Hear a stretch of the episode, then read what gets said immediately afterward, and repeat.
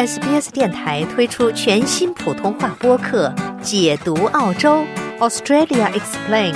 在这里，你可以轻松欢快的了解有关澳洲的有趣知识。预计今年将有数百万名观众沿着悉尼海港沿线观赏悉尼海港的跨年烟火表演。同时，悉尼的十二分钟跨年烟火表演预计将吸引全球数百万观众的目光。烟花秀的准备工作正在有条不紊地进行中。今年烟火表演的重点将紧紧围绕着原住民的传统，同时，人工智能制作的视觉动画将在夜晚被投射到悉尼海港大桥的桥塔上，这在烟火表演的历史上尚属首次。悉尼市重大活动执行制片人吉尔比说：“他们期待着烟火表演在新冠疫情后恢复正常。” We did really come back from COVID last year a little bit, but this year really. 去年的 COVID 确实让我们有点回不过神来，但是今年感觉一切都恢复了正常。我真的觉得每个人都很想出去享受这个夜晚。吉尔比说：“原住民社会企业 We Are Warriors 将参与到今年的烟火表演之中。” This year we've um, engaged We Are Warriors. So they are a uh, social organization, First Nations. 今年我们邀请了 We Are Warriors，他们是一个社会组织，原住民社会组织。我们请来了诺基，他是澳大利亚颇有名气的说唱歌手和艺术家，他在这个方面发挥了领导作用。他将表演一些音乐作品，并将与一大批其他艺术家一起真正的推动一些创意。这确实为许多其他原住民和托雷斯海峡岛民艺术家创造了一个机会，让他们有一个平台，并通过这个项目就业，真正认识到我们是在悉尼的嘎迪嘎土地上，我们在原住民的土地上，我们正在庆祝这里的活着的文化。这种文化确实值得在全球范围内得到认可。活动开始时，原住民将在三艘船上举行烟熏仪式，以净化港口的阴灵，为新的一年做好准备。仪式由部落勇士协会主持，使用桉树叶净化和统一土地，并向过去和现在的传统土地守护者致敬。然后晚上九点，由 We Are Warriors 和插画家伯格共同创作的塔式投影将聚焦于代代相传的故事，以保持原住民文化和身份的活力。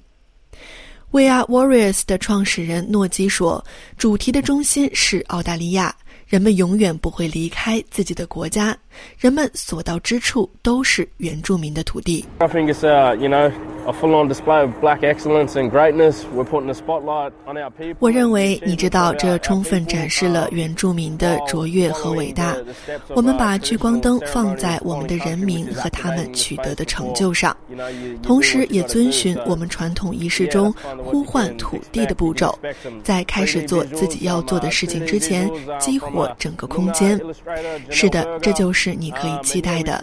你还可以看到一些 3D 视觉效果和。一些二 D 视觉效果，这些都是由诺昂加尔族插画家伯格制作的。是的，我们真的想全力以赴，做出一部让所有人都难忘的作品。在过去的二十七年里，福地和他的团队一直负责组织烟火表演。午夜烟火表演将从市区的五个建筑物顶楼发射，有一万八千个独立信号点与音乐配乐同步，使烟火表演呈现出协调的效果。There's eighteen shipping containers of equipment that will be spread across.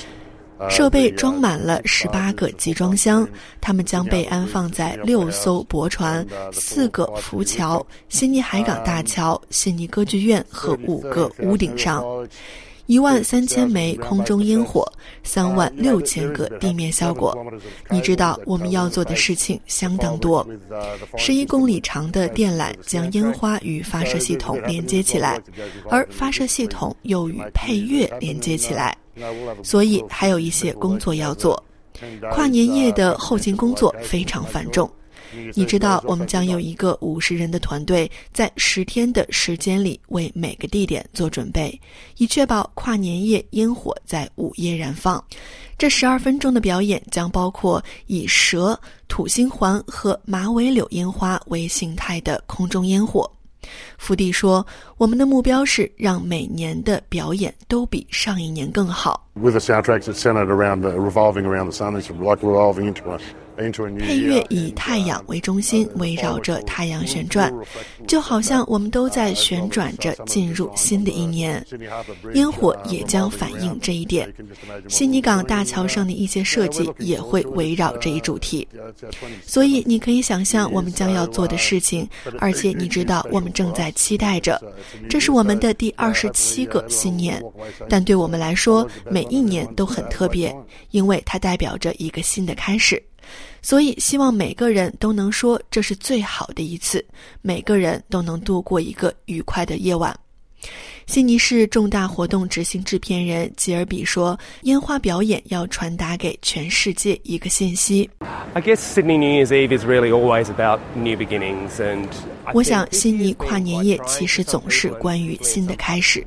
我想，今年对于一些人来说，尤其是在世界上的一些地方，是相当艰难的一年。